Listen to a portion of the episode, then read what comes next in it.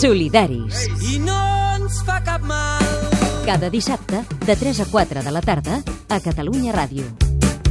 Para-t'hi a pensar. A aquesta hora s'està celebrant el festival Sopes del Món. És al barri de Sant Cosme, al Prat de Llobregat. Marta Molina.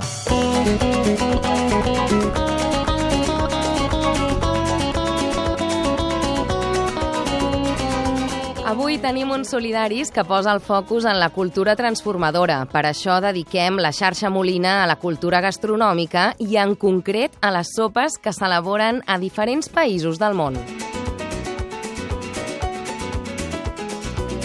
La de coses que es poden descobrir d'un poble només posant cullerada a un plat de sopa i intentant identificar-ne els ingredients assaborint-los. Però avui anem una miqueta més enllà, perquè a aquesta hora, a la plaça de la remodelació del barri de Sant Cosme, al Prat del Llobregat, està tenint lloc la desena edició del Festival Social i Gastronòmic Sopes del Món.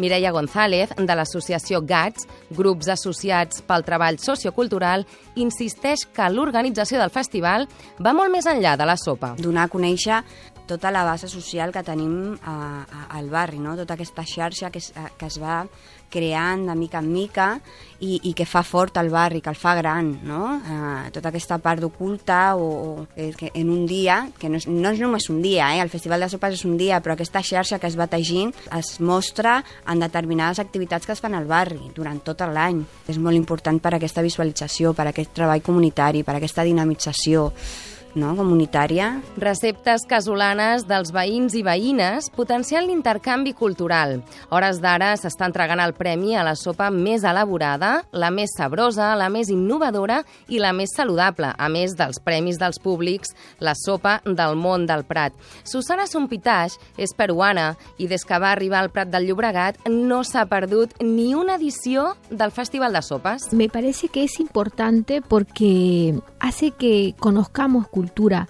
pero esto hace que yo pueda conocer y que conozcan lo mío y yo puedo conocer la- las sopas de otras, de otras culturas, de otros países, ¿no? Y sobre todo que a veces por ahí podemos terminar hasta enamorándonos de una cultura. I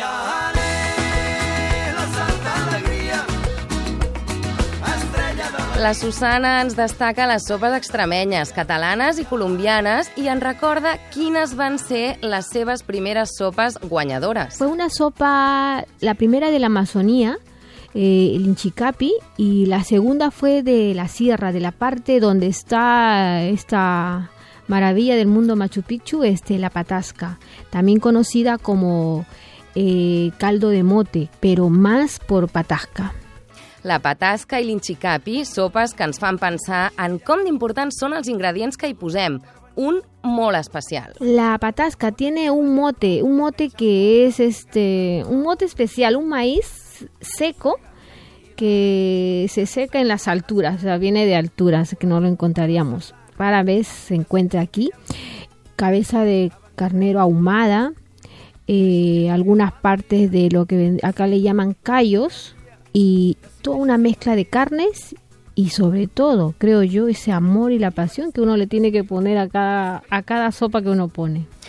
Les sopes sembla mentida, però ens han fet entendre quan important és una sopa per una cultura i per un poble, però sobretot per fer xarxa de convivència en un barri, el barri de Sant Cosme, del Prat del Llobregat.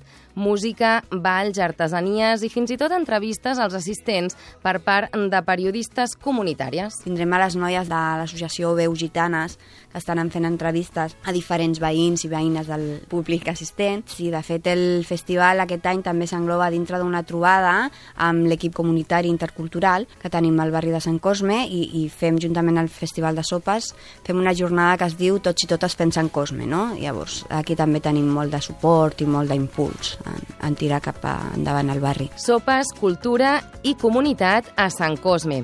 Encara continua la festa i pels que no hi heu pogut anar, aneu pensant receptes per l'any vinent i inscriviu-vos a sopesdelmont.org.